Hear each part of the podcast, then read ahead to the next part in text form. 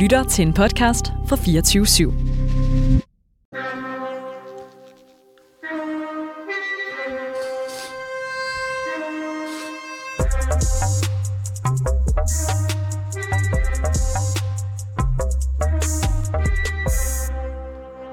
Velkommen tilbage til anden time af Revolutionen, En Verden at Vinde.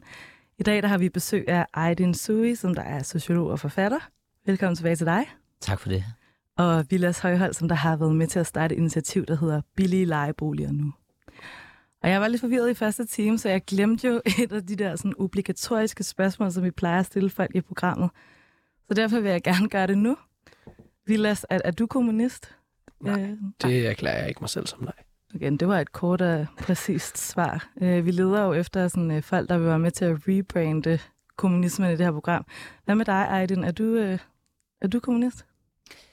Jeg, jeg kalder mig ikke kommunist, men øh, jeg kan ikke løbe fra øh, min socialistiske arv. Ved, at min, mine forældre var socialister i, øh, i Iran og, og kæmpede for at omstyrte det gamle regime op til revolutionen i 79 øh, og flygtede og er socialistiske flygtninge har også opdraget mig. ikke med det for øje, men hvor det, øh, det ligesom har farvet øh, en stor del af, af opdragelsen og mit, mit syn på verden og den, den verden, jeg indgår i. Ja. Men, men jeg vil også sige, at, at som barn af socialistiske flygtning fra Iran, som lige havde et mellemstop i Sovjetunionen i tre år, før vi kom til Danmark, så er jeg så også farvet af at have en naturlig skepsis over for den måde socialisme og kommunisme især er blevet implementeret i, i praksis, og især, øh, især de, de totalitære tendenser, som, som der var i det gamle, gamle Sovjetunionen. Så der er måske forskel på at erklære sig som kommunist teoretisk set, og så hvordan vi historisk har set det udspille sig. Ja. Øh, og det er måske også den skepsis, der gør, at, at sådan noget som ghetto-pakken, som er stærkt totalitær og formynderisk, løber mig koldt ned ad nakken. Og jeg skal nok slutte nu, fordi du kigger på mig som, det var ikke meningen, det skulle tage så lang tid. Men, men, men, men i første time talte vi om alle de her kriterier, det er ekstremt kompliceret. Så da Ghetto-parken blev lanceret i Mjølnerparken, i 2018 øh, ved en stor pressebegivenhed, hvor der var, jeg mener, fem forskellige ministre fra den daværende regering, der spurgte TV2 News, om jeg ville sidde med i tre timer og kommentere på det live, fordi det simpelthen var så kompliceret, at de skulle have en sociolog udefra til at, til at hjælpe med det. Og der, øh, og der nævnte Simone Emil Amitsbøl, der var, der var indrigsminister på det her tidspunkt, at hvis ikke kommuner og boligselskaber lever op til de her krav med at omdanne områderne, reducere den almene boligmasse, lave stopprøver i folkeskolerne, så vil staten gå ind og tage over, altså demontere det her lokaldemokrati, at man vil lave det, han kaldte for et opfølgningsregime fra statens side. Og det løb mig bare koldt ned wow. i ryggen. Ja, han kaldte det regime på den måde. Altså, når man har, når man har oplevet totalitær stat i først Iran og derefter Sovjetunionen, øh, så er man øh, følsom over for det, der kan blive opfattet som, eller det, som jeg opfatter som, som krænkelse af, af individets grundlæggende rettigheder og værdighed, som jeg mener, at ghettoparken er et udtryk for. Det giver da helt vildt god mening. Øhm, ja, og som, som du allerede har været inde på nu, så øh, hvis man lytter til første time, så kan man høre, at vi taler om det her problem med, at, øh, at boliger i højere grad bliver utilgængelige for folk, som der ikke har mange penge. Og vi snakkede om, hvordan den her ghetto-lov betyder, at almene boligområder med mere end 50 procent såkaldte ikke-vestlige indvandrere efterkommer skal omdannes. Altså simpelthen folk bliver tvunget til at flytte, og boliger rives ned, og nye øh, opføres. opføres. Øhm, og vi snakkede med Alex Young Pedersen, som der var øh, beboer i Bispehaven i Aarhus, som der selv havde været nødt til at flytte. Men i den her time, der skal vi snakke om noget andet. Øh, vi skal i hvert fald prøve at snakke om det her problem på en lidt anden måde, fordi vi skal snakke om strategier øh, til, hvordan vi i højere grad kan forsvare de almindelige boliger, men også hvordan vi kan gøre denne her sag lidt... Øh, kan gøre, at flere kan forstå, hvorfor den her sag er vigtig. Altså både i den bredere befolkning, men også i venstrefløjen, øh, som der måske er, hvad kan man sige, målgruppen for det her program. Øhm, og Aydin, du nævnte også i første time, at du tit får henvendelser fra udenlandske journalister, som der bliver forbløffet og simpelthen ikke tror på, at det her det kan være rigtigt. Øh, og det samme oplever jeg, når jeg snakker med folk, som der ikke har hørt om det her før, at de bliver meget sådan overrasket. Men der er også ret mange, som der ikke ved, at det rent faktisk foregår. Mm. Øh, men hvis vi bare lige starter der, øh, i forhold til det her med, med udbredelse. Altså, hvorfor betyder den her kamp noget for os alle sammen? og ikke kun dem, som der er tvunget til at flytte, eller som der bor i de her boligområder.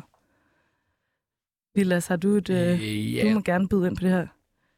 Ja, det betyder noget for os alle sammen, fordi det er noget, der påvirker os alle sammen. Øh, altså mås- måske der er en meget, meget, meget lille øh, overklasse, som der kan sige, at det overhovedet ikke påvirker dem. Men hvis vi for eksempel snakker omkring gentrificeringen, som jo er, en, en, er koblet til det her problem, øh, så er det noget, der påvirker byen. Så man kan sige, at alle os, der bor i byen, bliver påvirket af det, i at byen bliver forandret om, om man sig selv bliver skubbet ud eller ej, så bliver byen forandret kulturmæssigt også. Øh, og alle dem, der så bor uden for byen, der er der rigtig mange, der gerne vil flytte til, både på grund af uddannelse og jobmuligheder. Og det bliver meget sværere at flytte til, når huslejepriserne de stiger så meget, som de har gjort de sidste 20 år. Hvad siger du, Aiden? Altså, jeg, jeg har også hørt dig ud, udtalt flere gange i medierne det her med, at det her det er det største eksperiment i velfærdsstaten, eller vores mm. største velfærdseksperiment. Altså, Ja, og, og det, det, det er ikke bare sådan noget, jeg sådan lige har trukket op af, af en hat. Øh, jeg, jeg mener, at det er øh, det største sociale eksperiment i velfærdsstatens nyere historie, men det er noget, som stort set alle boligforskere i Danmark, der har beskæftiget sig med feltet, siger. Øh, vi ved ikke, hvad udfaldet af ghettoparken vil være. Vi ved ikke, hvad udfaldet vil være ved at tvangsflytte 11.000 mennesker. Øh, det tætteste, vi kommer på, på at kunne få et penge, øh, fingerpræg om det, det er, det er nogle af de hollandske erfaringer, hvor man har forsøgt sig med nedrivninger. Og der kan man se, at i forhold til kriminaliteten i områderne har det ikke haft nogen effekt. Du spreder egentlig bare kriminaliteten ud. Men det har haft en negativ effekt på, på børnefamilier, og især øh, de børnefamilier med færrest ressourcer og det mindste netværk. Fordi du flytter dem fra nogle områder, hvor de har et netværk, og hvor der er nogle sociale interventioner, der er støtte til børnefamilierne, der er lektiehjælp, der er familierådgivning osv. osv. Øh, og så flytter du dem til nogle områder, hvor der, hvor der ikke er samme støtte. Så det har en, får en betydning for, for børnenes livschancer i stedet. Ikke? Så i bedste fald, så kommer vi til at bruge en masse milliarder på det her, man kunne have brugt på andre måder, øh, men har status quo i værste fald, og det tror jeg faktisk desværre er, er mere realistisk, så vil det have en negativ effekt på, øh, på livschancer, i, øh, når det gælder især børnefamilierne i de her områder her. Ikke? Og vi kan se, at, at det er de områder i landet, hvor der har været den mest positive udvikling, når det handler om uddannelse. For 10 år siden var det 40 procent af de unge i de her områder, der tog en ungdomsuddannelse. I dag er det 60 procent. Så en stigning på 20 procent point på, på, på bare 10 år, og, og stigning på landsplan har været 6 procent point. Så en stigning, der er mere end tre gange så stor øh, i de her udsatte områder. Ikke? Og, og det er jo lidt paradoxalt, når politikere nogle gange siger, ja, okay, kriminaliteten er faldet. Jamen, mm, vi gør det for børnenes skyld. Og sådan, det gør I jo ikke, ja. fordi deres chancer i forhold til at klare sig godt i livet er større i de her områder, hvor der er støtte rundt om familien, ja, end hvis de bliver flyttet ud til Nørre Snede eller whatever. Ikke? Men også det her med at leve med den her usikkerhed og det her pres, som Alex jo øh, fortalte om i Bispehaven. Ja, og, vi, og, og lige netop det, øh, det, du siger der, så, så siger politikerne, nå okay, kriminaliteten er faldet, den er historisk lav, når, ja, men beboerne fortjener også at have høj tryghed. Vi gør det også for at skabe tryghed. Men det, der skaber utryghed i de her områder, det viser alle målinger også, det er en eksistentiel utryghed. Altså det er, har du råd til at betale din husleje? Øh, ved du, at du kan bo i området om et år? Så der kan man også se, at det påvirker børnefamilierne meget negativt. Så det er i virkeligheden børnefamilier, som bliver påvirket mest negativt også, og derfor også er de første til at flytte ud, fordi hvorfor skal du vente, hvis du selv kan handle og finde en bolig, øh, så behøver du heller ikke at svare på dine børns spørgsmål om, sådan, hvor længe bliver vi boende, far eller mor osv. osv. Men paradoxalt nok kan vi også se, at det, der typisk skaber størst trivsel og fællesskab i de her områder, det er, kan du tiltrække børnefamilierne. Ja. Øhm, og det er dem, der også bliver mest afskrækket af, at et boligområde bliver stemplet som en ghetto eller et parallelt samfundsområde, ja, ja. eller ej. Så skal du sidde ved middagsselskabet og forklare dine venner, at du flyttede ind i et parallelt samfund eller ja. en ghetto. Ikke? Øhm. Og det kan man også se, altså for eksempel i, øhm, Altså det, det fortalte Alex også, der skete i Bispehaven, at nogle af de her sådan, lib, libhaver, som man håbede ville flytte ind i boligområdet, de flyttede altså ikke ind. Og det samme ser man også i det boligområde, der hedder Nøjsomhed i Helsingør. Mm. Der står der simpelthen tomme lejligheder nu i forhold til dem, som der blev skubbet ud. Ikke? Øhm, fordi at de kan ikke tiltrække øh, dem med den indkomst, som de ønsker. Så nu har de bedt om lov til, at, øh, at ældre øh, kan flytte ind. Og det, og det er bare endnu et bevis på, at det er et stort bluffnummer, når man siger, vi gør det her for beboernes skyld. Altså, du afgrænser bare beboerne yderligere, fordi hvis du gjorde det for beboernes skyld, så vil du jo gøre det, at du lavede en kortlægning af beboernes behov for at flytte ind i andre typer boliger, når du river deres boliger ned og river noget nyt op. Og der er jo nogle boligselskaber, for eksempel Bovita, som administrerer Mjølnerparken, som har sagt, jamen der er ikke nogen af de nuværende beboere, der kommer til at kunne flytte ind, når vi øh, frasælger og renoverer og sætter huslejen dramatisk op, fordi det har de ikke råd til, og sådan ja. er det. Men nu det er i virkeligheden en ærlig snak, ikke? Jo, det, det må man sige. Øh, jeg vil gerne vende tilbage til det her spørgsmål, altså det strategiske spørgsmål på en eller anden måde, og, mm. og det her med sådan, hvorfor folk skal gå op i det her. Øh, og en måde, man kunne snakke om det på, det er i forhold til det der med sådan, de politiske partier på venstrefløjen. Øh, fordi at jeg, jeg blev i hvert fald mærke i, at den her dagsorden simpelthen var, altså, den var virkelig øh, nærmest sådan, øh, ikke til at få øje på øh, i valgkampen. Mm. Øhm, og, og det er jo måske fordi, at der er, hvad kan man sige, der er et politisk flertal øh, for den her lovgivning. Men jeg synes altså, at der er et kæmpe potentiale i at tænke mulige vælgere, hvis man gik ind og sådan var lidt mere sådan øh, tydelig omkring, hvor man stod i forhold til det her spørgsmål. Ikke? Altså, fordi der er jo alle mulige, mm, mm, som vi snakkede om i første time, der er jo alle mulige sådan, øh, intersektioner eller sådan øh, kampe, som der krydser hinanden i det her spørgsmål. Ikke? Der er både det antiracistiske spørgsmål, som vi snakkede om i forhold til etnicitetskriteriet, og det her med ikke-vestlige indvandrere efterkommere, og der er også det her med sådan, ja, altså hvordan vi organiserer os sammen, altså social organisering, hvordan vi bor med hinanden og beboerdemokrati og alle de her, øh, alle de her spørgsmål. Hvordan hjemmet, hjemmet simpelthen er sådan, øh, hvad kan man sige, øh, politisk. Øh, hvorfor tror jeg, at venstrefløjen ikke øh, går så meget op i det her, eller hvorfor er det, hvorfor er det, vi ikke kan få øje på det? Altså... Det er et virkelig godt spørgsmål. Ja. Og umiddelbart skulle man tro, at der var mange stemmer hente i det. Ja. Øh, som vi snakkede om før, det rammer bredt. Øh, altså man kunne forestille sig, at jeg ved ikke, om der er nogen, der tænker, at det er en for stor kamp at tage. Øh, eller sådan, det er jo et opgør.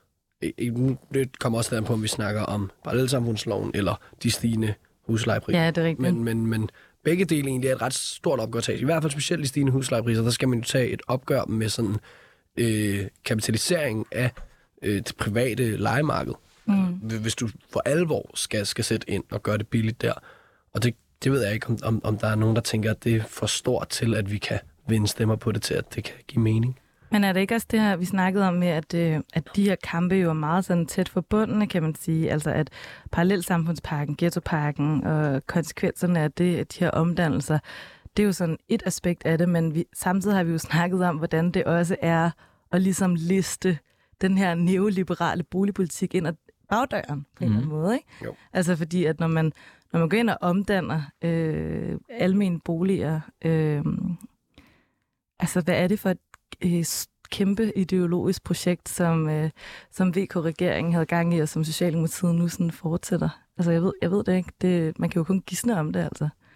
Altså det er jo, det er jo, det, det er jo virkelig paradoxalt, ikke? Fordi den, den socialdemokratiske regering, den seneste vi har haft, har slået sig meget op på blandede boliger. Ikke? Og der har været et stort ønske fra deres partifælder i København især til at få lov til at bygge øh, flere almene boliger osv. osv. Øh, og samtidig så øh, viderefører du en politik, hvor du river almene boliger ned. Øh, og jeg har tidligere skrevet om det her, om at det, det simpelthen ikke giver, giver mening rent rationelt, men men det er som om, at det bare er naturlov i dansk politik, at lige så snart det handler om såkaldt udlændingepolitik, så bliver al rationalitet taget ud af dansk politik. Så er det symbolpolitik og strategi, og det er jo også derfor, at vi ser lige pludselig, at en ting er Socialdemokraterne, men at et parti, som skulle forestille at være socialistisk eller tilnærmelsesvis socialistisk, nemlig SF, at de har stemt for den her parallelsamfundsaftale, den her ghettopakke, som er stærkt klassefjendsk og strukturelt er racistisk og etnisk diskriminerende. Ikke? Øhm, fordi at så skærmer du dig for at miste stemmer fra højrefløjen. Og det er jo ja. ikke SF, der har mistet mange af de stemmer. Det er jo Socialdemokraterne, men vi har et SF, som bare ja, åbenbart er Socialdemokraterne light og rigtig gerne vil i regeringen. Ikke? Men altså, øhm, så det er udlændinge spørg, altså det er udlændingedelen af det her, af den her lovgivning. Som ja, der det er gør... ikke klasseaspektet, ah, nej. vel? Og det, det er jo også lidt, SF slår sig jo også op på, at vi skal hjælpe børnefamilier og økonomisk pressede danskere og, og så videre og så videre, ikke? Og, og en stor udgift er jo din husleje, så det, det giver jo ikke mening, at du skal reducere den almene almene boligmasse. Men, men, men det er jo klart, at, at hvis, du, hvis du har sådan hvis du har det, der skulle forestille at være venstrefløjen lige til venstre for midten, Socialdemokraterne og SF, som går med på den her udlændingekritiske linje, øh, så, så får du også afgrænset venstrefløjen, så der er ikke særlig mange tilbage, vel? Så der er, hvem er der tilbage? Der er enhedslisten, Fri Grønne, som ikke kom ind i Folketinget, øh, Alternativet, som er blevet meget, meget små. Øh, så har du de radikale, som jo ikke er et økonomisk venstrefløjsparti, men, men som er, jo er et neoliberalt parti, rent økonomisk, øh, og formentlig også i deres tilgang til boliger, men de har så været imod ghettoparken, størstedelen af den. De var med i en del af, af, af, af aftalen, men, men, men størstedelen af den er de imod. Og det er jo fordi, de markerer sig omvendt på, på, på udlændingepolitikken. Ikke? Så, øhm, i Sverige ser vi jo, at boligpolitik kan vælte en regering. Det skete der jo sidste år, hvor, hvor Sveriges svar på enhedslisten, de, øh, de, øh, de tvang regeringen til at udskrive valg, fordi at øh, de var imod, at man gik ind og, og lavede en lovgivning, som gjorde, at den almene, at almene boliger kunne stige i pris. Det har vi ikke set herhjemme. Altså enhedslisten har snakket meget om, at de er imod ghettoparken, men de vil ikke sætte deres politiske liv ind på det. Øhm, men en udfordring har også været, at, at folk har simpelthen har sovet i timen. Altså da den her ghettopakke blev lanceret i 2018, den måde regeringen opstillede det på, der stillede de det ikke op som, at du kun kunne komme på listen over hårde ghettoområder, hvis der var over 50% etniske minoriteter. Det var alle de andre ting, de skrev først. Så du skulle virkelig læse ned i den her rapport her for at opdage, at det var det, der var på spil. Og selv sådan noget som Institut for Menneskerettigheder, som skulle forestille at være en vagthund på det her område, de opdagede det først meget, meget sent. Øh, og nu går de så ind i kampen på beboernes side i de her, de her øh, sagsanlæg mod, mod staten. Så desværre så tror jeg ikke, der er meget, du kan gøre parlamentarisk fra Nej. Christiansborgs side, øh, men du kan sagsøge staten i hoved og røv øh, og rulle det her tilbage, fordi du får det, du får anerkendelse for, at det virkelig er, hvad det er, og det er etnisk diskrimination. Ja, det skal vi snakke øh, lidt mere om øh, efter det næste, men i hvert fald en opfordring til enhedslisten herfra om, at vi måske kan tale med Venstrepartiet om, hvordan man kan udfordre regeringen i forhold til det her boligspørgsmål.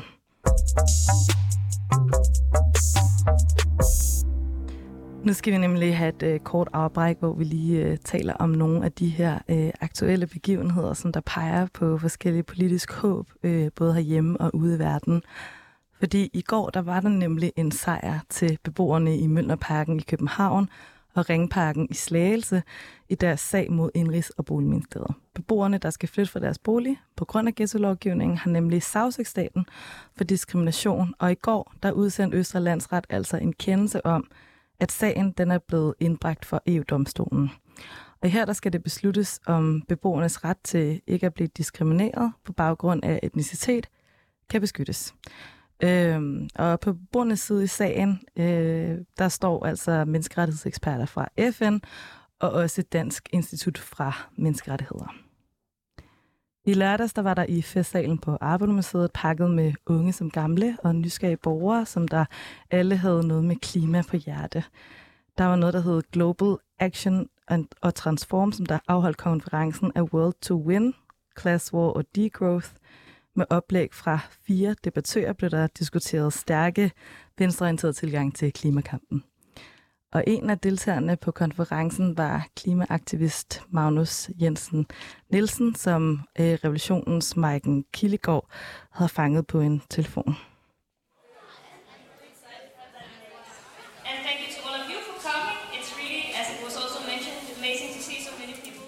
den konference, vi har, skal diskutere øh, modvækst, eller degrowth, som hedder det, og klassekamp.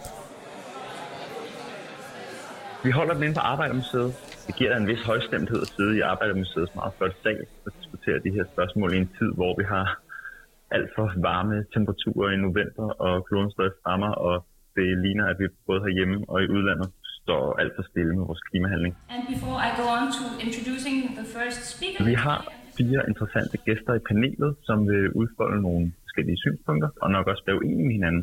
Det er simpelthen en diskussion af, hvis vi har et antikapitalistisk perspektiv på klimakrisen, hvad skal vi så stille op, og hvad er der for nogle forskellige perspektiver, man kan anlægge, som er indbyrdes uenige? Modvækst, det drejer sig jo om, at øh, man har en analyse af, at kapitalismen den bliver ved med at vokse, og så længe den vokser, så kan man ikke afkoble den her vækst. Capitalism cannot exist without growth. Altså vi kan ikke have grøn kapitalisme, så at sige, hvor vi bliver ved med at vækste, men hvor vi ikke vækster i vores CO2-udledninger og i vores øh, øh, pres på, på miljøet. Vi skal simpelthen arbejde for nogle samfund, som prøver at reducere det samlede øh, fodaftryk. Men anledning for konferencen er faktisk, at øh, den anden af de internationale gæster, Matt Huber, øh, som er en amerikansk geograf, han netop har udgivet en bog, der hedder Climate Change as Class War, But for a wider set of, of people struggling to make ends meet, the first word you shout at them is reduction.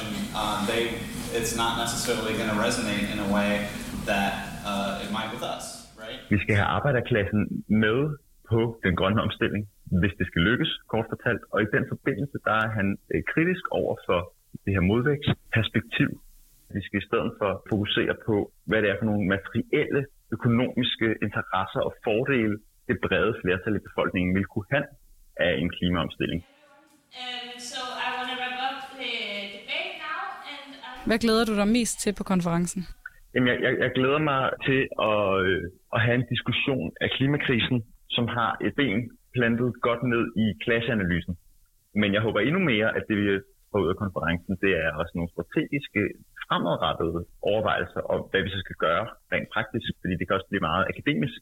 Og øh, konferencens formål, det er at gøre en klimabevægelse klogere, ikke at gøre klimaforskning klogere. And right now, we not only have a world that we need to win, we have a world that we need to save. Thank you so much. Ja, det var altså Maiken Kilgaard, som der havde snakket med klimaaktivist Magnus Jensen Nielsen omkring det her, øh, den her konference om degrowth, som der på dansk hedder modvækst. Og det var altså en kæmpe succes, den her konference. Der var så mange mennesker, at der ikke var stole nok øh, i den historiske festsal inde på Arbejdermuseet. En af de eneste offentlige steder i Kina, hvor der ikke er overvågning, det er på toiletterne. Og derfor så er der nogle utilfredse borgere, som der er begyndt at dele systemkritik i form af toiletgraffiti, ifølge TV2 og det uafhængige medie China Digital Times. Og de her skrevne opråb, de trækker altså tråde til en demonstration, som der var i oktober, hvor en enkelt kinesisk mand lykkedes med at placere to bannere på en bro. På det ene banner der stod blandt andet, ingen kulturrevolution, vi vil have reformer, ingen ledere, vi vil stemme. Og hvis vi ikke er slaver, kan vi være borgere. Og på det andet opfordrede manden til at strække for skoler og arbejde, og at fjerne diktator og landsforræder Xi Jinping.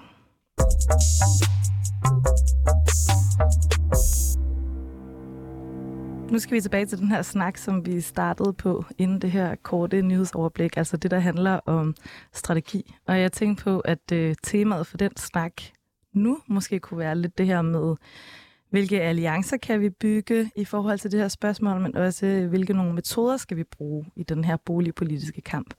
Og jeg tænkte på, Vilas, vil du ikke starte, fordi at du har jo lidt erfaring med at nu har du lavet det her boligpolitiske initiativ med nogle andre unge, der hedder Billige Lejeboliger nu. Og der benyttede I nogle forskellige metoder til at prøve at skabe opmærksomhed omkring det her spørgsmål. Kan du ikke øh, fortælle om de metoder? Jo, jeg tror, noget vi tænkte, det var, at vi bliver nødt til at få en platform, hvor vi når ud til en masse mennesker. For det kan godt være, at vi nu har indsamlet os en masse viden og rigtig gerne vil ud med en masse budskaber. Men hvis der ikke er nogen, der hører dem, så kan det jo være lidt så som så. Øhm, og det vi gjorde, det var at lave en Instagram-profil. Der er jo rigtig meget politik, der er rykket over på de sociale medier. Ja. Det er sådan, man nemt kan nå ud, også når vi snakker om unge mennesker. Øh, Så lavede vi øh, til at kickstarte kampagnen et bannerdrop. Øhm, fik taget nogle flotte billeder af det med nogle nødplus om natten, som vi fik delt af forskellige allerede store venstreorienterede Instagram-sider. Øhm, og så fik vi på meget kort tid 400-500 følgere. Og så havde man ligesom en Ja. platform til at kunne skrive mere ud omkring, hvorfor synes vi, det her er vigtigt omkring mangfoldighed, omkring ulighed, øhm, hvorfor det er, vi har taget den her kamp op. Så man gjorde, I gjorde noget spektakulært på en eller anden måde for at få folk lukket ind Ja. i, øh, på platformen. Det kan man Jeg godt kunne altså sige, godt tænke mig at høre lidt mere om det der, øh, du siger, altså et bannerdrop, hvor I havde lavet nogle, hvor der var nogle nødblus og sådan noget. Kan du ikke prøve at forklare mig, hvordan, øh, hvordan fungerer det? Altså, hvad er det overhovedet? Jo, men det er som sådan simpelt nok, at man maler et, et, et banner. Øh, vi gjorde det af nogle due, øh, og noget maling, vi købt, og malede på det. Og så brugte vi strips til at hænge det op. Nødblus kan man købe i fiskeforretninger. Øh, Altså nødblus, nogle, øh, som man kan bruge, hvis man er ude på havet. Og ja, lige viser, præcis. at der Altså, folk vil nok farve- genkende dem som romerlys eller flares i, øh, i sådan almen tale. Øh, Ja. Men ja, det, det var sådan, vi gjorde. Og Men- det gav i hvert fald på det med, at vi fik alle de her følgere. Og så efterfølgende havde vi både debatarrangementer og demonstrationer og alle mulige ting, også som vi ikke nåede, men explainer-videoer og happenings, som vi gerne ville. Og det gør jo så, at vi endte med at have 700-800 følgere på Instagram, som der også får ud i deres feed, der sker det her. Jeg kan møde op til den her demonstration. Men så hængte de det her banner op med, kan du huske, hvad det var, der stod på banneret? Der stod øh, billige lejeboliger nu. Ja, og så hængte de det op på en stor bygning, Vi hængte det op øh, ved den bro, der går øh, ved Åbuen. Den cykelbro hvor der er nogle, motorvejen. nogle biler, der kører nedenunder. Ja, man kan sige, vi tænkte, at så er der en masse biler, der kommer til at se det, men banneret blev pillet ned af politiet efter to timer. Ja. så, øh, så det vigtige var egentlig, at vi fik nogle flotte billeder af det. ja til Hvor så havde vi nogen med, som der egentlig ikke var med i kampagnen, men de var dygtige til at tage billeder. Ja. Og så fik vi de billeder, som igen, så blev de delt af allerede store ja. venstreorienterede sider. Ja. Øhm, og så er der jo mange, der tænker, ej, det ser, det ser Ja. fedt ud. Og det er nemmere at få store venstreorienterede sider til at måske at dele det, end at dele vores manifest, hvor der står side op og ned omkring, hvorfor vi Ja. synes, at det her er et stort problem. Ja. Det fanger bare med øjet at Ja. se sådan et billede her. Ja. Øh, Har du gjort dig nogle tanker om, eller har I gjort jer nogle tanker omkring det her med, hvordan man kan få unge sådan, involveret i det her spørgsmål, fordi at der er jo alle mulige grunde til, hvorfor det skulle give mening, at, at man som ung også går op i det her. Ja, jeg tror, jeg har gjort mig rigtig mange tanker. Ikke kommet frem til en sådan egentlig konklusion, men jeg tror, at det her var en, en fin start, som så ikke nåede så langt ud, som det kunne. Men, men starte nogle initiativer, øh, og så når man først er nået ud, så lave de her demonstrationer, måske holde nogle støttefester, bare aftener, hvor der også er oplæg, og så, øh, så nå unge mennesker, hvor de er på de sociale medier. Øhm, og så tror jeg, at noget, der er vigtigt, det er også at have, nu er der vi snakkede også lidt omkring, at der måske kan være et problem i, at nogen, ja, det er svært at nå unge, så er det vigtigt, at det også er unge ansigter, der står forrest i kamp. Ja, ja. Fordi der er ja, genkendelse simpelthen, og måske at øh, man, man synes, det virker tiltalende at være med. Ja. Men øh, der er i hvert fald nogle øh, alliancer også, der er ved at begynde at opstå i det her spørgsmål, fordi at den grønne ungdomsbevægelse har også set et potentiale i, hvorfor det her giver mening for dem.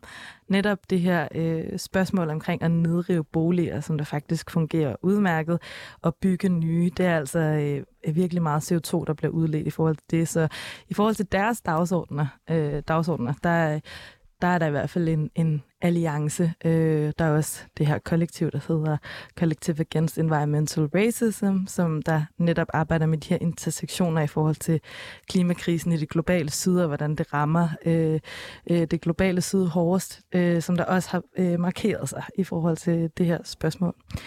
Øhm, i første time, Aydin, der var vi kort inde på øh, også den her øh, nyhed, vi kunne høre før, at øh, beboerne i Møllerparken, de har det her søgsmål, Hmm. øh, hvor de ligesom har et øh, sagsøgsdagen for diskrimination. De samme søgsmål har vi set, øh, eller Ringparken i Slagelse er også en del af det søgsmål, og vi har set, hvordan beboere i Gellerup og Helsingør også har prøvet at gå rettens vej. Hvad, hvad, hvad tænker du om den strategi?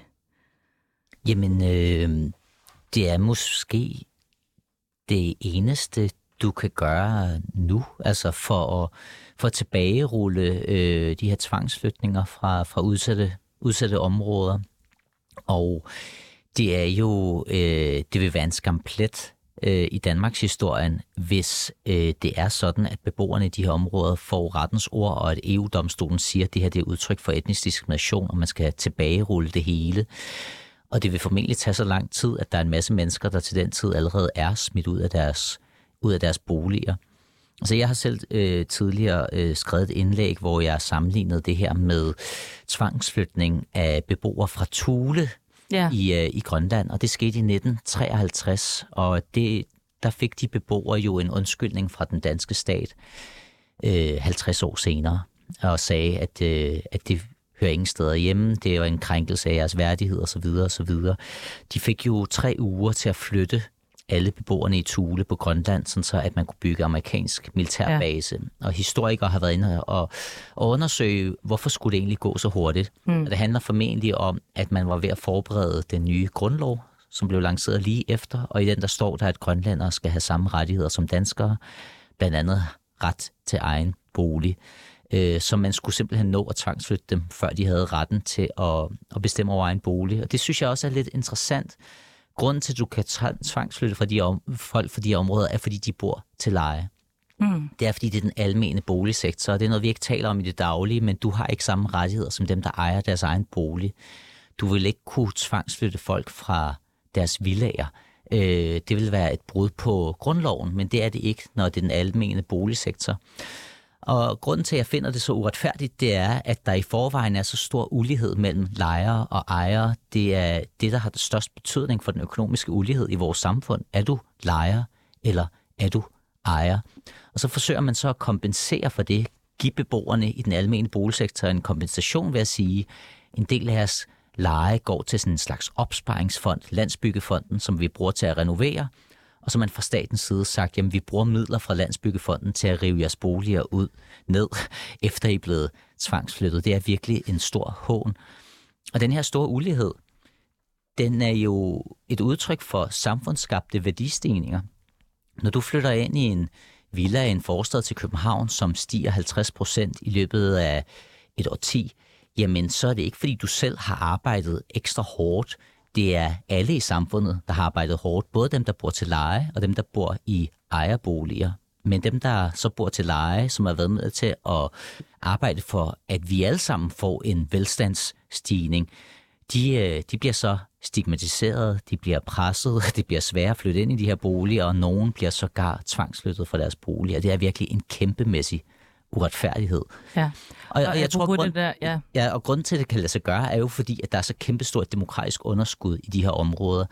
Altså historisk har det været de områder i landet, hvor folk bruger deres demokratiske stemme mindst. Tidligere var det arbejderklassen, lav stemmeprocent, blandt andet ved, ved folketingsvalg. Og det demokratiske underskud er blevet større og større i takt med, at beboermassen i stigende grad består af etniske minoriteter. Og vi kan se, at det er halvdelen af landets etniske minoriteter, der ikke har statsborgerskab. De kan ikke stemme. De er en demokratisk underklasse. De er uinteressante for befolkningen eller for politikerne. Og de fleste danskere har jo ikke været i Voldsmose, eller Tingbjerg, eller Gellerup. Det vil sige, det er også et område, hvor politikerne har enormt stor definitionsmagt. De har magten til at definere, det her er huller i Danmarks kortet. Ja. Det her er et parallelt samfund. Derfor fører vi en nødvendighedens politik, selvom det ikke passer. Så man kan oh, det var sige- virkelig et rant. Nej, men det er rigtigt. Man, så, altså, så man kan ligesom sige, at hvis vi skal snakke om det der med, hvorfor venstrefløjen eller politikere sådan, øh, øh, bredt set ikke er så interesseret i det her, det er både fordi, jamen, der er ikke vælgere, fordi der er simpelthen mange, der også ikke har stemmeret Mm. mm. i de her områder, men også fordi, at de her tvangsflytninger og de her, hvad kan man sige, overgreb, som det jo faktisk er, de simpelthen sker uden den store modstand, øh, fordi det er folk, som der ikke har så meget udsigelsesposition. Øh, Lige præcis, i og der, og der eksisterer i forvejen en stor ulighed, som så er økonomisk mellem lejere og ejere. Og i forhold til billige boliger, jamen en af grundene til, at boligpriserne stiger, handler jo ikke kun om, at du river almene boliger ned. Det er også fordi, du ikke regulerer resten af boligmarkedet. Det er jo fordi, at du politisk ikke har nosserne til at røre ved boligskatter osv. osv. Ikke? Øh, så, så, så, så det, det her det er en større kamp end blot de 11.000 mennesker, som bliver tvangsflyttet fra de her, de her boliger. Det Ja. handler om, jamen, hvordan regulerer vi et boligmarked, som er uretfærdigt. Og der er jo et generationsaspekt, som også, jeg tænker, er årsagen til, at I startede jeres organisation, mm. Villas, at der det største generationsteori, vi har, det handler om boligmarkedet. Ja. Altså, der er nogen, ja. der har købt deres bolig på det rigtige tidspunkt. Ja, bolig og, og klima, og ja, altså det, at, at, at det er jo ikke, det er jo ikke boomerne, som der mærker konsekvenserne af det her boligmarked på den måde. Men Vilas, vil du ikke bare lige slutte den her del om, om alliancer og metoder af med at fortælle sådan, da I lavede det her initiativ, altså sådan, øh, hvad oplevede I så af, altså i forhold til interesse og opbakning og meget interesse og meget opbakning fra mange forskellige mennesker. Ikke kun folk, som der allerede stemmer enhedslisten eller til venstre for det, eller hvad skal yeah. jeg sige, allerede yeah. er meget ude på venstrefløjen, men også mange andre mennesker, som der måske egentlig står øh, mere til midten eller til højre, men godt kunne se, okay, kapitalismen er rent faktisk helt vildt destruktiv på boligmarkedet.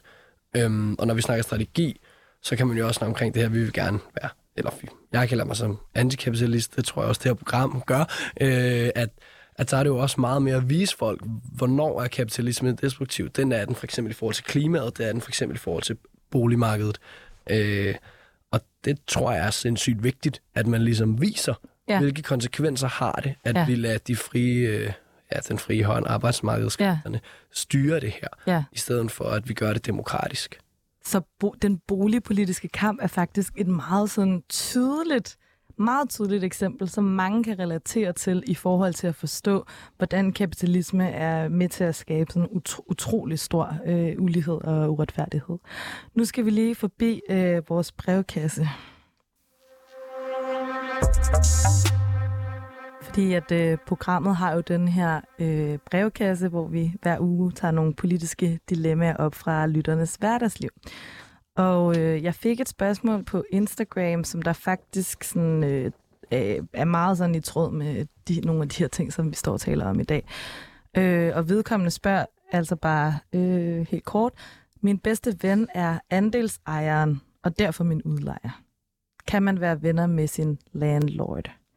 Øh, og jeg tænker, der er jo mange, som der oplever den her situation, fordi at de måske bor til fremleje i en lejlighed, som deres vens forældre har købt. Øh, men det skaber jo sådan en, en, en hvad kan man sige, en, et usikkert magtforhold, fordi at den ene er lejeren, og den anden er ejeren, som vi talte om før. Mm. Har du... Øh, har du nogle tanker om det her, Villas? Altså... Jeg tror meget, jeg tænker om den her ejer tjener penge på, at lejeren bor der. Nå ja. Øh, for hvis det var mig, der skulle bo hos en ven eller veninde eller et eller andet, øhm, som der havde den her andel, så ville jeg blive ret irriteret, hvis jeg skulle betale mere end det, der skulle til for og ja, det der rent faktisk var huslejen, og måske også hjælpe med at betale af på det lån, min ven måske har taget for at betale lejligheden, fint nok. Ja. Men hvis de skulle tjene penge hver måned på, at jeg boede der, så ville jeg have et problem med det. Ja. Men jeg tror nogle gange, jeg har hørt øh, fra folk, jeg kender, at det er jo ikke altid sådan helt gennemsigtigt, hvordan det der regnestykke ser ud. Altså i forhold til, hvordan huslejen den egentlig sådan øh, fastsættes. Øh, men altså, hvad, hvad, hvad tænker du sådan, vedkommende spørger, sådan, kan man være venner med sin landlord? Hvad er det også for nogle... Altså jeg, jeg kommer også til at tænke på det der med, at man, man i Danmark, synes jeg, har sådan en tendens til at snakke meget om, at alle er ens, og alle har øh, de samme øh, muligheder, og der ligesom er, alle er lige på en eller anden måde, som der udvisker de her sådan, klasse, klasseforskelle og sådan, øh, magtforhold. Har du noget, øh, har du noget input til det her, Aiden? Altså, ja, ja, nu, nu har jeg selv øh, været sådan klassisk bolignomad i København, der har haft 15 forskellige adresser, både til fremleje, før jeg flyttede ind der, hvor jeg bor nu. Øh, det er noget råd. Altså, øh, du lader som om, vi er ligeværdige, men når den ene er udlejer, og den anden er lejer, så er der bare et magtforhold, som også kan blive meget rodet, når man er venner samtidig. Derudover er min erfaring også, dem du er gode til at være venner med, er ikke nødvendigvis dem, du er bedst til at bo sammen med. Ikke? Ja, det er rigtigt. Det er øh, Men i mange tilfælde er det jo sådan forældrekøb. Og så, så bor du sammen med en, hvis forældre har købt lejligheden, og øh, så lader man som om, vi er i samme båd, fordi vi leger begge to, men, men altså, det er man jo ikke, og, og der er det ikke engang din ven, som fastsætter huslejen, men forældrene, og der vil de typisk sige, at du er også med til at betale for renterne, det er vel kun færre, fordi det er vores udgifter. Men det er jo også det, der gør, at du er med til at betale for, at boligen stiger i pris, hvor der er nogen, der skummer fløden, og det gør du ikke. Ja, ja. Altså, du flytter ind i en anden ja. øh, fremleje bagefter, og så en ja. ny fremleje, og en ny fremleje, en ny fremleje. Ja, så køber du din egen bolig efter 10 år, så føler du, nu skal jeg faktisk gøre det, jeg selv har oplevet, så nu, nu udbytter jeg nogle, nogle andre. ja, ja. Det er det der med, at det er det der med den der forventning. Altså, jeg tror, jeg læste, jeg læste sådan et indlæg øh, i Information på et tidspunkt, hvor det simpelthen var en eller anden i en andelsforening, som der sådan skrev om, hvor uretfærdigt hun synes, det var, at hun ikke kunne få lov til at tjene penge på sin bolig. Ikke? Altså fordi de havde en eller anden, øh, de havde andelsloft, eller ja. Der var et loft på, på, på prisen. Så det er en norm, at man skal kunne tjene penge på sin bolig. Øhm, og, og hvis ikke man kan det, så, så er det simpelthen uretfærdigt. Og så vil jeg altså også bare lige sige, altså, øh, jeg ved godt, altså hvis, hvis man havde forældre, som der havde råd til at købe ind i en lejlighed, så tror jeg da også, jeg ville have brugt den mulighed, men jeg er simpelthen så træt af de der forældrekøb, som der er på Nørrebro. Men det er en anden snak. Men, men det er jo endnu et eksempel på, at du fra statens side ikke regulerer ordentligt. Altså, de der forældrekøb er jo også med til at presse stige øh, øh, priserne i vejret og skabe større ulighed baseret på, på, på ens familiebaggrund, ikke? Jo, det er det nemlig. Og den her generationelle ulighed, altså sådan, som, som, som vi på en eller anden måde ser, der kan blive videreført. Øhm, men øh, ja, jeg håber, at du kunne bruge, øh, der var ikke så meget konkret råd, måske mere sådan et rant, eller lidt mere sådan, vi forstår dig, øh, hvis du bor sammen med din ven, som der også ejer lejligheden. Øh, Måske det... råd kunne være, at de skulle tale om Ja, måske skal I tale om ja, det, altså, og Påtale, at der er et ulige øh, magtforhold. ja, synliggøre det, Ja. fordi det er der altså. Ja. Og det er helt okay, hvis du har nogle følelser omkring det, og ligesom tænker, hmm, måske er der noget, øh, der bliver blandet lidt sammen i forhold til det her venskab og det her magtforhold. Men husk, at I kan skrive til vores brevkasse på relationssnabelag247.dk. Vi vil rigtig gerne have flere spørgsmål.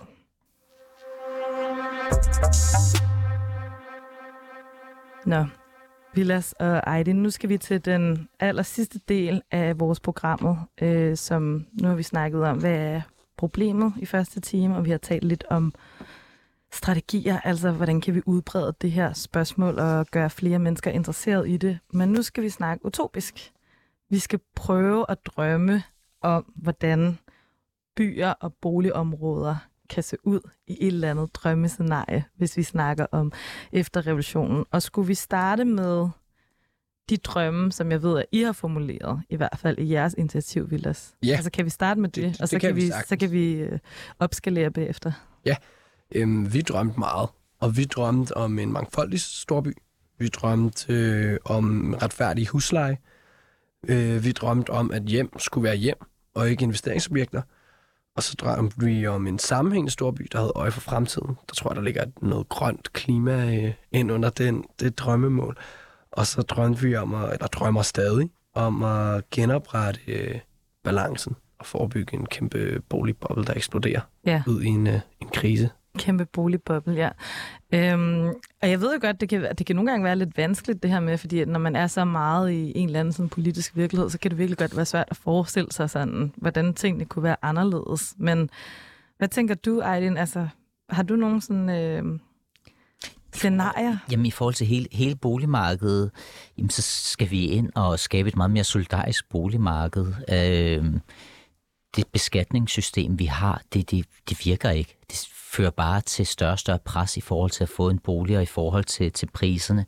Så man bør beskatte salg af boliger, sådan så du ikke bare kan skumme fløden, som folk gør det i dag på samfundsskabte værdistigninger, som vi alle sammen har været, været med til at gøre, gøre mulige. Og så, så tænker jeg faktisk, at det kunne være, at man skulle forsøge sig med, øh, med progressiv husleje, ligesom vi har øh, progressive personskatter, hvor du betaler mindre, hvis du oh, ja. tjener mindre, betaler mere, hvis du tjener mere, så kunne du også gøre det, når det handler om husleje.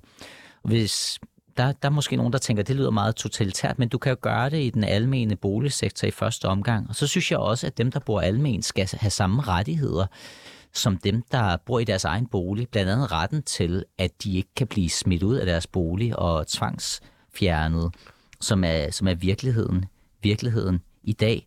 Og så er vi jo også nødt til at gøre noget ved, at vi simpelthen bliver flere og flere og flere og flere, som også bor alene. Det er jo også derfor, der er pres på boligmarkedet Okay. at øh, vi kan ikke blive ved med at bygge nyt. Og, øh, og klimabelastning ved at bygge sådan noget som Lynetteholm er kæmpestor, og det slår, slår som en skrædder i helvede, det er slet ikke nok. Øh, frem mod 2030, så, så er der en fremskrivning, der viser, at vi vil mangle boliger til 100.000 mennesker i København. Det kan du altså ikke bare bygge dig ud af. Så vi er formentlig nødt til også at have nye boligformer, hvor vi bor sammen, flere kollektiver, sådan ja. så vi ikke alle sammen bor alene i Ja. en treværelses lejlighed. Ja. Altså det er fedt at bo alene, men det, det er ikke bæredygtigt. Det kan ikke lade sig gøre. Det kan ikke lade sig gøre i, øh, i længden. Og så vil jeg også sige, at på samme måde som at vi skal være økonomisk solidariske på baggrund af, af socialklasse, så skal vi jo også være det i forhold til de penge, der bliver postet i boligområder. At øh, de områder, hvor vi har mest forebyggelse, og hvor vi bruger flest penge på at udligne forskel i socialklasse, de bør gå til de områder, hvor folk har mest brug for det. Og der har man gået den modsatte vej herhjemme ved, at du har halveret midlerne til det boligsociale arbejde i sidste boligforlig. Og det går jo ud over især de svageste børnefamilier. Der var i hvert fald en hel masse konkrete bud på, hvordan at et mere solidarisk boligmarked øh, kunne se ud. Jeg, var, jeg synes, det var en rigtig god idé, det der du sagde med, at, øh, at det skulle reguleres også, også efter i forhold til, hvor mange penge, Mm. øh, penge man har. Altså den her med progressiv... Øh, Og, og der vil jeg sige, det, det er ikke engang et kommunistisk ideal, det er et liberalt ideal. Mm. Altså idealet om progressive skatter, det, det stammer fra John Stuart Mill, som skrev On Liberty, som er et liberalt KFA, og det er noget, som, øh, som blandt andet Bertel Hårder, som er et KFA fra Venstre, har fremhævet som noget af det bedste ved vores velfærdsstat, at vi har progressiv beskatning. Okay. Ja, noget andet, som jeg havde tænkt på i forhold til den her, hvis vi taler om øh, en eller anden utopi, det var, at øh, jeg snakkede med min ven om det der med, hvad det er for et kæmpe potentiale, som der faktisk findes i den almene boligsektor i forhold til det her beboerdemokrati, du har. Altså det, at du nu er det så godt nok i gang med at blive undermineret af ghettoloven, men hvis vi snakker om utopien, altså drømmescenariet, det her med, at du har de her store boligområder, hvor du simpelthen kan være med til selv at bestemme, hvad er det, vi skal som boligafdeling? Altså, der er det her, der er det her nærdemokrati og den her øh, følelse af sådan, demokrati og politik i hverdagen på en eller anden måde. Ikke? Så vi har allerede set det i lille skala i nogle øh, boligområder. For eksempel i Voldsmose, der er der jo rigtig mange grønne arealer, og de har også noget, øh, hvor de dyrker honning. Øhm, og jeg ved også, at der er flere andre steder er snakke om at eksperimentere med øh, byhaver. Altså som man jo også ser mange steder inde i byen, det her med, kan vi prøve at lave mere biodiversitet ved at så for eksempel have vild natur. Og, og jeg har bare tænkt over det der med, hvad, det, da det er da et kæmpe potentiale, der er i de her boligområder i forhold til, hvis man kunne træffe en beslutning om at opskalere det.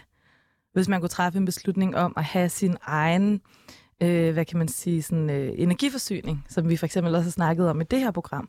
Altså sådan, fordi at man er organiseret sammen på den måde, hvor man træffer beslutninger med hinanden, så findes der allerede nogle systemer for at kunne lave den her øh, grønne omstilling, som vi jo så tit snakker om. Ikke?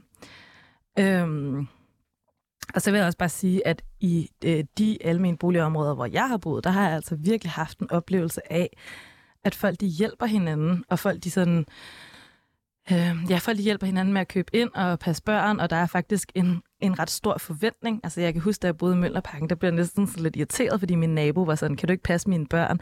Øh, og hvor jeg var sådan, det ved jeg altså ikke, om jeg kan, men hun var sådan, vi hjælper altså hinanden her. Men så gør jeg det så også, og så oplevede en rigtig stor glæde ved det der med, at der er en man har en social forpligtelse over for hinanden, øh, og hvor man ligesom hjælper hinanden gensidigt, og det er der utrolig mange, som der kunne lære noget af i andre boligområder. Altså lige så snart du kommer ind i en eller anden andelsforening, så begynder folk jo bare at kritisere dig for hvad som helst, der har ikke den her gensidige, gensidige hjælp. Øh, så de her områder, de er altså ekstremt diverse.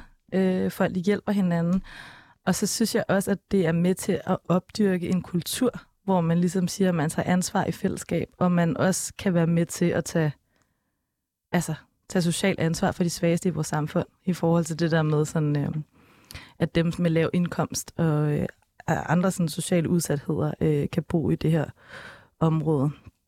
Er der nogen af jer, som der har nogen, øh, sådan, øh, hvis I skulle forestille jer nogle billeder eller et eller andet, Villas, altså sådan, hvordan, ser, hvordan, hvordan, bor vi, hvordan ser det ud? Jo, men som du siger netop, at man passer hinandens børn, man hjælper hinanden med at købe ind. Vi bor sammen.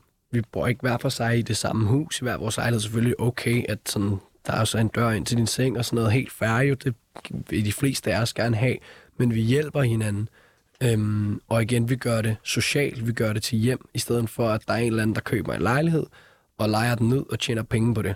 Eller endnu værre, leger den ud til Airbnb, så det er nogle nye hele tiden, som der slet ikke tager del i det her nærdemokrati, nærmiljø, kultur om at hjælpe hinanden. Øh, så vi gør det til hjem, hvor vi skal hjælpe hinanden, og vi skal have det ret alle sammen, i stedet for, at det skal være noget, nogen tjener penge på. Ja. Okay. Jeg tænker også i forhold til det her, det her beboerdemokrati, at, at en af udfordringerne i den almene boligsektor har været, at, at beboerdemokratiet ikke har været særlig repræsentativt for, for, for lokalområdet. At det, det er primært de ældre og de etnisk danske beboere, som sidder og, og dikterer, hvordan du skal bruge pengene og hvilke initiativer du skal, du skal lave. Og der har den her ghetto-liste jo gjort, at blandt andet Voldsmose, som du nævnte, Laura, at der har man fået engageret en masse unge, fordi nu er der virkelig noget på, på spil, at, øh, at, at en af grundene til, at der har været det her demokratiske underskud, er også, at vi har manglet de unge. Altså det ville være fedt, hvis sådan som Villas, som har startet det her initiativ, billige lejeboliger nu, hvis unge på hans alder også havde sagt, jamen den måde, vi laver politik på, det er, at vi, vi går ind i afdelingsbestyrelsen, og så laver vi noget nyt, som også er attraktivt for de unge, og hvor vi også har klima på dagsordenen, og hvor vi også bruger sociale medier, hvis der er noget, vi er, vi er utilfredse med i forhold til politiske initiativer oppefra og ned, som indvirker på vores liv. Ikke? Så man kan sige, at måske er der faktisk en, en øh, politisk mobiliserende åbning i de her angreb, som der sker igennem ghetto-loven, hvor man ser det øh, i forhold til sådan, at, øh, at unge måske i højere grad kan blive engageret lokalt i øh, de her beboerdemokratier, som der findes rundt omkring.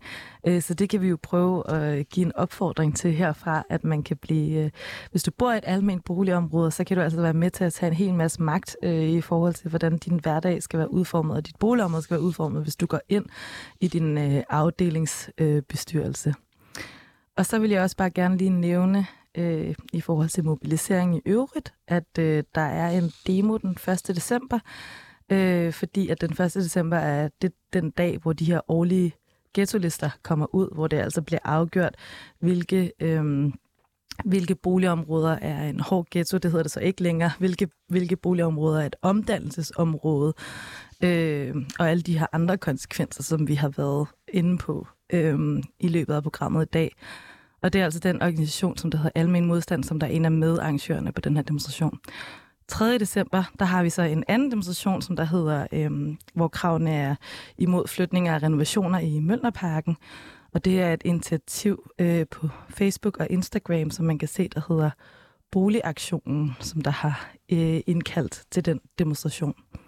Og øh, håbet kunne jo være, at nogle af alle de her mulige alliancer, øh, som vi har snakket om i programmet i dag. Altså det her med den grønne ungdomsbevægelse og klimabevægelsen og alle de andre mennesker, for hvem at det her spørgsmål burde betyde noget, fordi det altså også handler om øh, demokrati og medborgerskab i vores samfund, at det kunne blive synligt til netop den her øh, demonstration.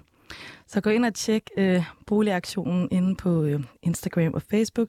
Og man kan altså også gå ind og følge det initiativ, som hedder Billige Lejeboliger nu, som Villas har været med til at starte. Der er ikke helt vildt meget aktivitet inde på profilen lige nu, men det kan være, at øh, den profil og den platform netop bliver brugt til at tage nogle af de her kampe op fremadrettet. Så vil jeg bare sige tak, Aiden Sui, forfatter og sociolog, fordi du kom. Selv tak.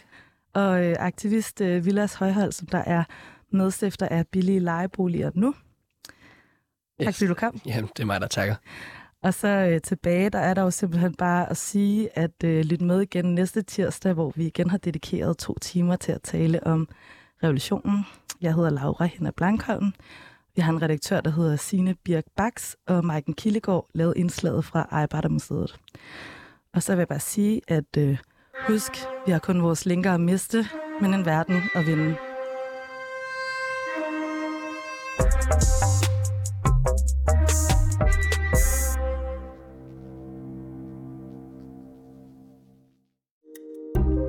Kære lytter, du har lyttet til et program fra 24 /7. Du kan finde meget mere modig, nysgerrig og magtkritisk taleradio på 24 7 appen Hent den i App Store og Google Play.